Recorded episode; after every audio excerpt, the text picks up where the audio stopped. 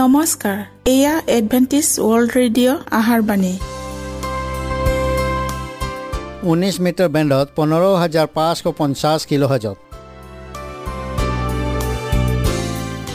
Adventist world radio যোগে অসমীয়া ভাষাত প্ৰচাৰিত আহাৰবাণী প্ৰত্যেক বুধবাৰ আৰু দেওবাৰ সন্ধিয়া সাত বজাত আহাৰবাণী শুনাৰ পিছত আপোনালোকৰ কিবা মন্তব্য আৰু প্ৰশ্ন থাকিলে আমালৈ এই ঠিকনাত লিখক। আমাৰ ঠিকনাটি হৈছে Adventist World Radio' Seventh Day Adventist মণ্ডলী অসম শাখা লতাকাটা বশিষ্ট গুৱাহাটী সাত আঠ এক শূন্য দুই ন।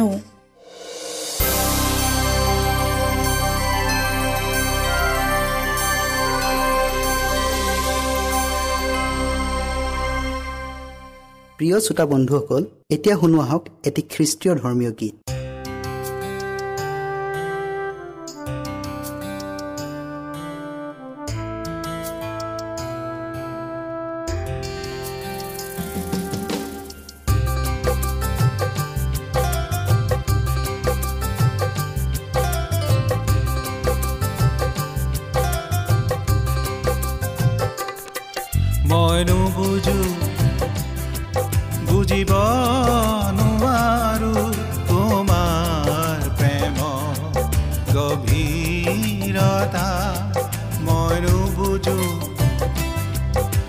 বুজিব নোৱাৰো তোমাৰ প্ৰেম গভীৰতা মাথো মই আজি অবাক হৈ যাওঁ তোমাৰ প্ৰেমৰ কথা যেতিয়া ভাবো মাথো মই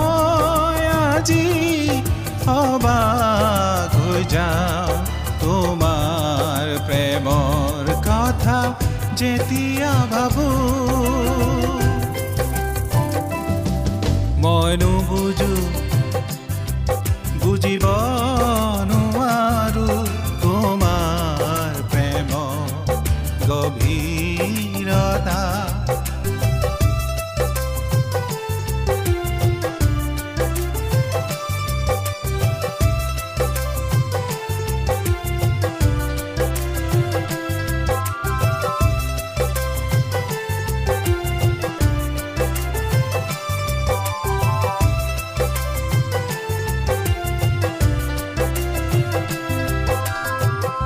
তুমি সহিলা নিষ্ঠুৰ যাতনা ক্ৰুচৰ ওপৰত নিজকে অৰ্পিলা মোৰ পাপৰ বুজা বহন কৰিলা তোমাৰ তেজেৰে মোক উদ্ধাৰিলা তুমি কহিলা নিষ্ঠুৰ যাতনা ক্ৰুচৰ ওপৰত নিজকে অৰ্পিলা মোৰ পাপৰ বুজা বহন কৰিলা তোমাৰ তেজেৰে মোক উদ্ধাৰিলা ভাষা নাই আজি বুজাবলে যিছু তোমাৰ ত্যাগৰ কথা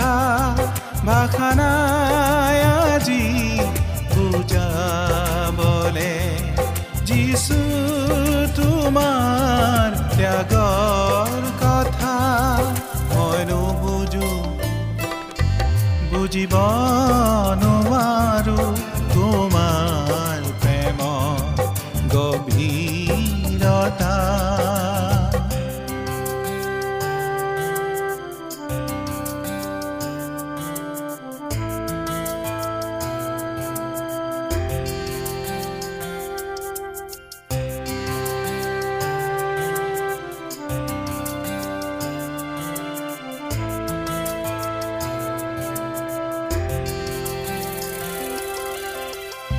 তুমি দিলাম অনন্ত জীৱ তোমাৰ প্ৰেমেৰে লভিলো পৰিত্ৰাণ এই জীৱনলে শান্তি গোৱালা দুখৰ বুজাম আঁতৰ কৰিলা তুমি দিলাম অনন্ত জীৱ তোমাৰ প্ৰেমেৰে লভিলো পৰিত্ৰা এই জীৱনলে শান্তি পোৱালা দুখৰ বুজাম আঁতৰ কৰিলা ভাষা নাই আজি বুজাবলে যিছু তোমাৰ প্ৰেমৰ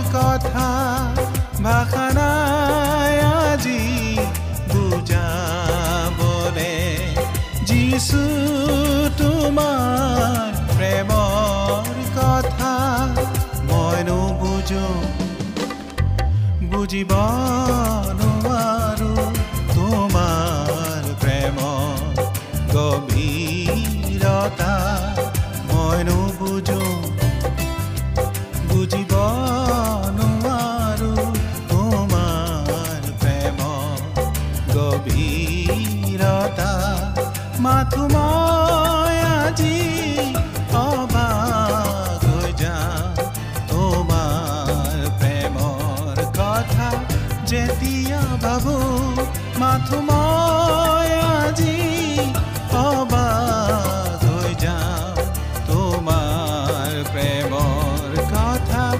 যেতিয়া ভাবো তোমাৰ প্ৰেমৰ কথা যেতিয়া ভাবো তোমাৰ প্ৰেমৰ কথা যেতিয়া ভাবো। প্ৰিয় শ্ৰোতা বন্ধুসকল আহক আমি খন্তেক সময় বাইবেল অধ্যয়ন কৰোঁ হওক।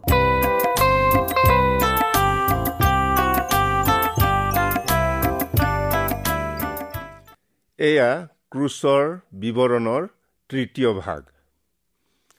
যীচুক ক্ৰুচত প্ৰাণদণ্ড দিয়া সময়ত সূৰ্যই পোহৰ নিদিলে।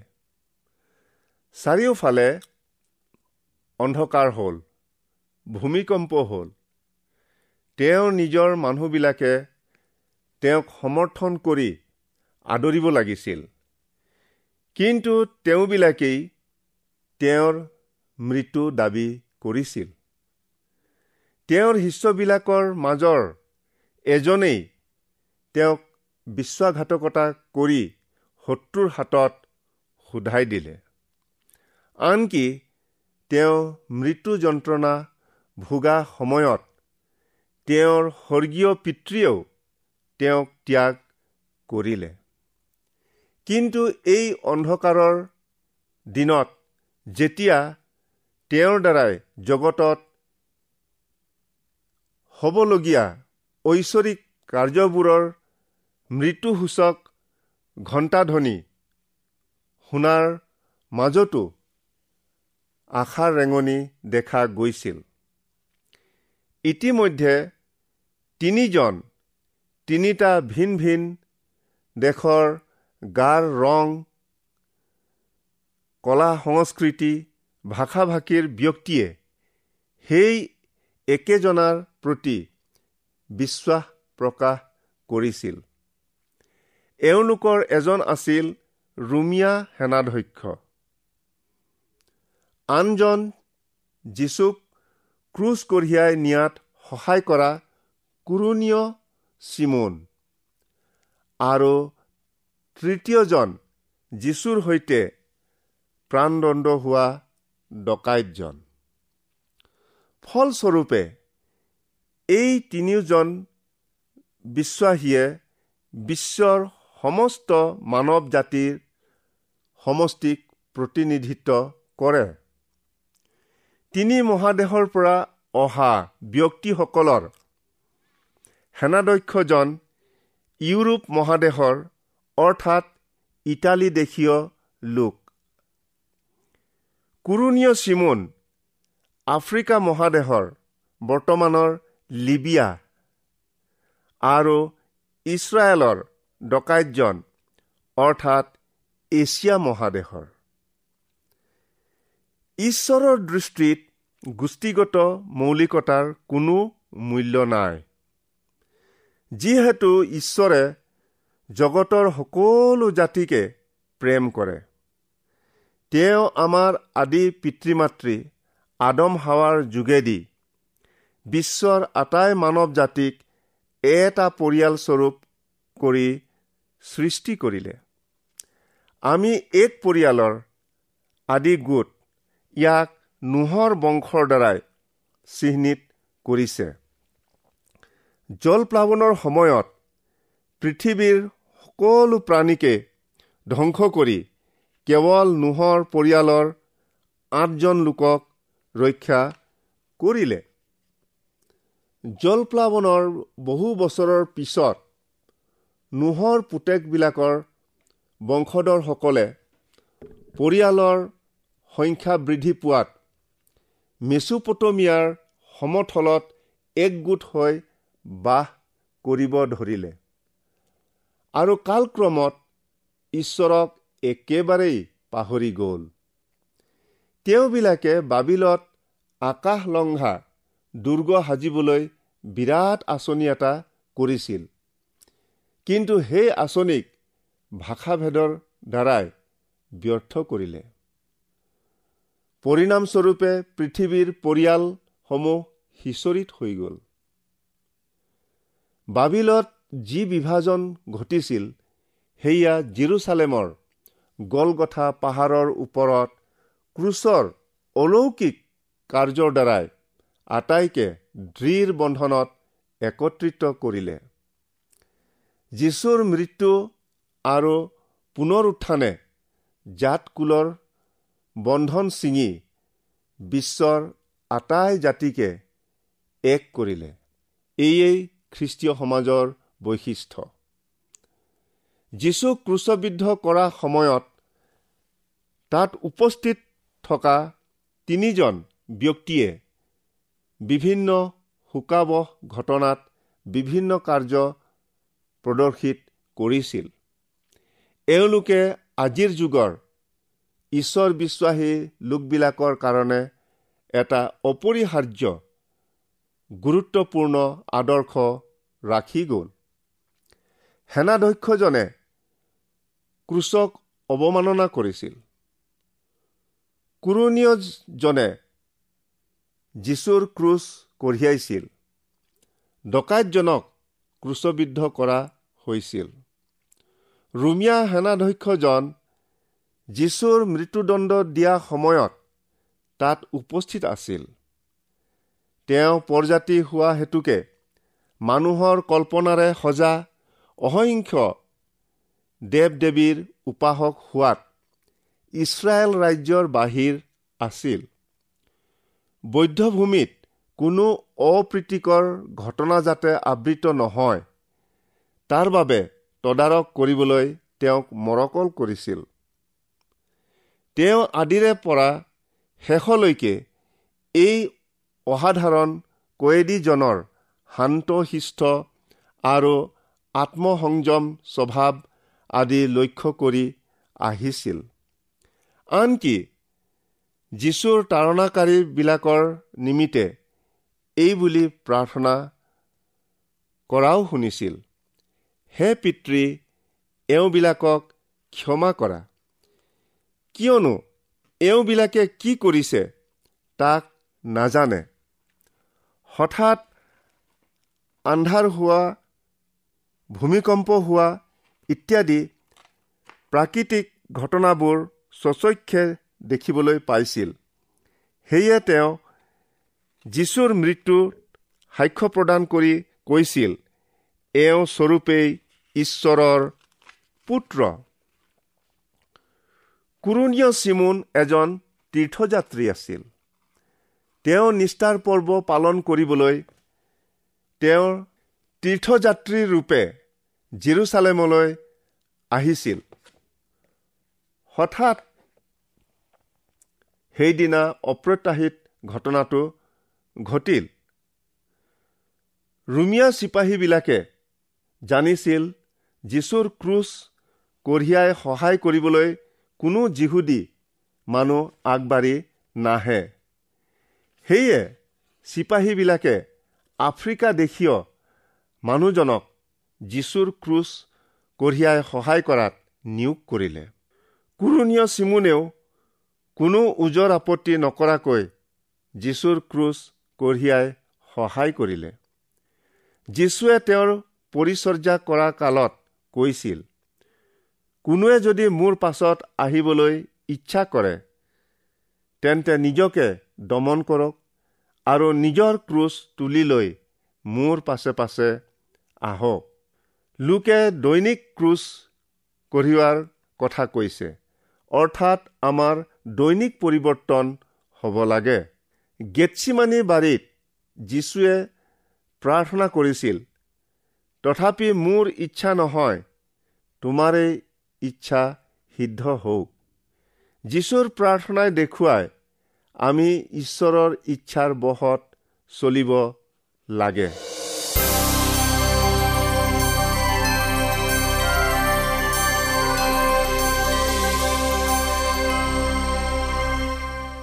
ডকাইতজন প্ৰথমতে ৰোমিঅ বিচাৰকবিলাকক গালি পাৰিছিল। তাৰ পিছত লগৰজনৰ সৈতে যীচুক ঠাট্টা নিন্দা কৰিব ধৰিলে। হঠাৎ মন পৰিৱৰ্তন হৈ অনুতাপ কৰি যীশুৰ হাতত নিজকে আত্মসমৰ্পণ কৰিলে। ডকাইতজনে মাজৰ ক্ৰুচত ওলমি থকা জনা স্বৰূপেই জগতৰ পাপ নিওতা ঈশ্বৰৰ মেৰ পোৱালী বুলি বিশ্বাস কৰিলে। আমি পৰম দেশত প্ৰৱেশ কৰাৰ পূৰ্বেই ক'ব পাৰিমনে? মই খ্ৰীষ্টীয় সৈতে ক্ৰুচত হত হলো। মই যিছো বুলিলেও সেয়ে আৰু মই নহয়। খ্ৰীষ্টহে মোত জিছে ডকাইতজনে ক্ৰুচ কঢ়িয়াই যীশুৰ সৈতে মৃত্যু হ'ল। সাধু পৌলে এই নিৰ্ঘাত সত্যৰ নিগুৰ তত্ত্ব জানিছিল। সেয়ে ঈশ্বৰ বিশ্বাসীৰ জীৱনত অতিকৈ প্ৰযোজ্য বুলি কৈছিল। আৰু যিবিলাক খ্ৰীষ্ট যীশুৰ তেওঁবিলাকে মোহ আৰু অভিলাষে সৈতে মাংসক ক্ৰুচত দিলে। আমি যেন আৰু পাপৰ দাহ নহওঁ। এইকাৰণে পাপৰ দেহ বিনষ্ট হ'বলৈ আমাৰ পুৰণি পুৰুষক তেওঁৱে সৈতে ক্ৰুচত দিয়া হ'ল। এতিয়াৰ পৰা ক্ৰুচৰ বাহিৰে আন কোনো কথাত অহংকাৰ নকৰো হওক। যীশুৰ ক্ৰুচীয় যন্ত্ৰণাত ভুগি থাকোঁতে তাৰ ক্ষতিপূৰণ স্বৰূপে ৰুমিয়া সেনাধ্যক্ষজনে যীশুক থকা তেওঁৰ বিশ্বাস স্বীকাৰ কৰিলে। কুৰণীয় চিমুনে সন্তুষ্ট মনেৰে যীশুৰ ক্ৰুচডাল কঢ়িয়ালে। অনুতাপিত ডকাইতজনে পৰম দেশত শেষৰ দিনা স্থান পাবলৈ প্ৰাৰ্থনা কৰিলে। তেওঁ কুৰণীয় চিমুন আৰু ডকাইতজনৰ সঁহাৰিয়েই সকলো জাতি ফৈদ ভাষাৰ বালিৰ দৰে অসংখ্য লোক এডেনবাৰীৰ পৰা আৰম্ভ কৰি দ্বিতীয় আগমনলৈ হেৰাই যোৱাবিলাক ক্ৰুচৰ পৰা বৈ অহা অনুগ্ৰহৰ দ্বাৰাই উদ্ধাৰ পাব। ক্ৰুচৰ প্ৰবল আকৰ্ষণৰ ফলত নিকডিম আৰু আৰিমুঠীয়া জোচেফ নামৰ দুজন গুপুত শিষ্য প্ৰকাশ্যে ওলাই আহি যীচুক স্বীকাৰ কৰি তেওঁলোকৰ আটাই উপাৰ্জিত ধন সম্পত্তি খ্ৰীষ্টীয়ৰ শিশু মণ্ডলীৰ উন্নতিৰ অৰ্থে দান কৰিলে।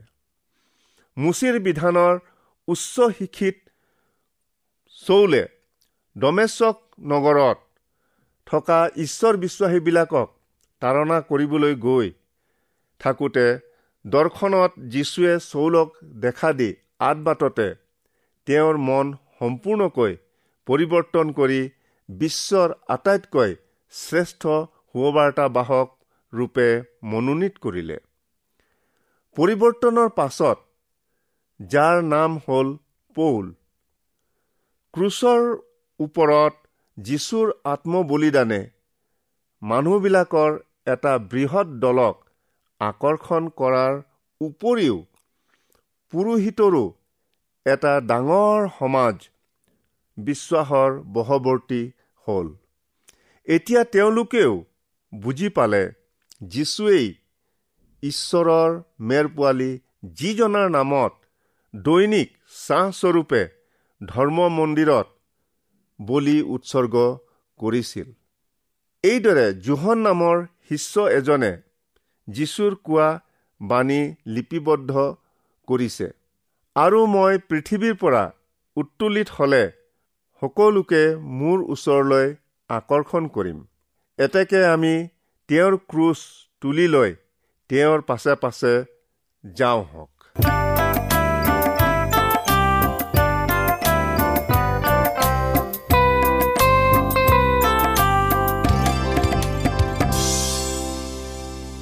ইমানপৰে আমি বাইবেল অধ্যয়ন কৰিলোঁ। এতিয়া আকৌ শুনো আহক এটি খ্ৰীষ্টীয় ধৰ্মীয় গীত।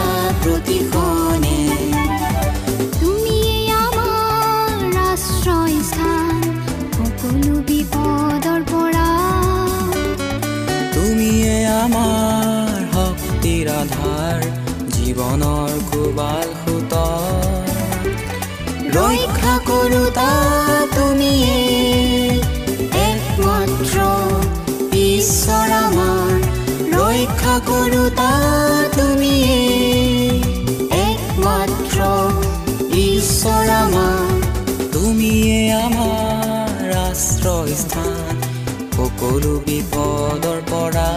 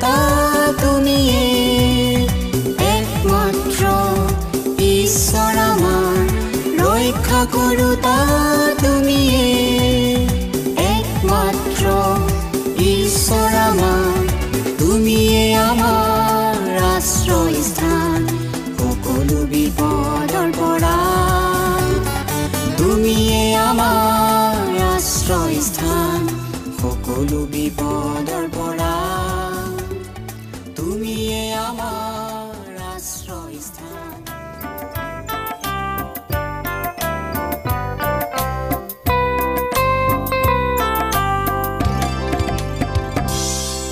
মনত ৰাখিব আমাৰ ঠিকনাটি পুনৰ কৈ দিছোঁ। Adventist World Radio' Assam region of Seventh Day Adventist Voice of Hope Latakata Basistha Guwahati seven eight one zero' two nine প্ৰিয় শ্ৰোতা বন্ধুসকল এডভেণ্টিজ ৱৰ্ল্ড ৰেডিঅ' যোগে আহাৰবাণী প্ৰচাৰত আপোনালোকক পুনৰ লগ পোৱাৰ আহাৰে আজিলৈ সামৰিলোঁ। ধন্যবাদ।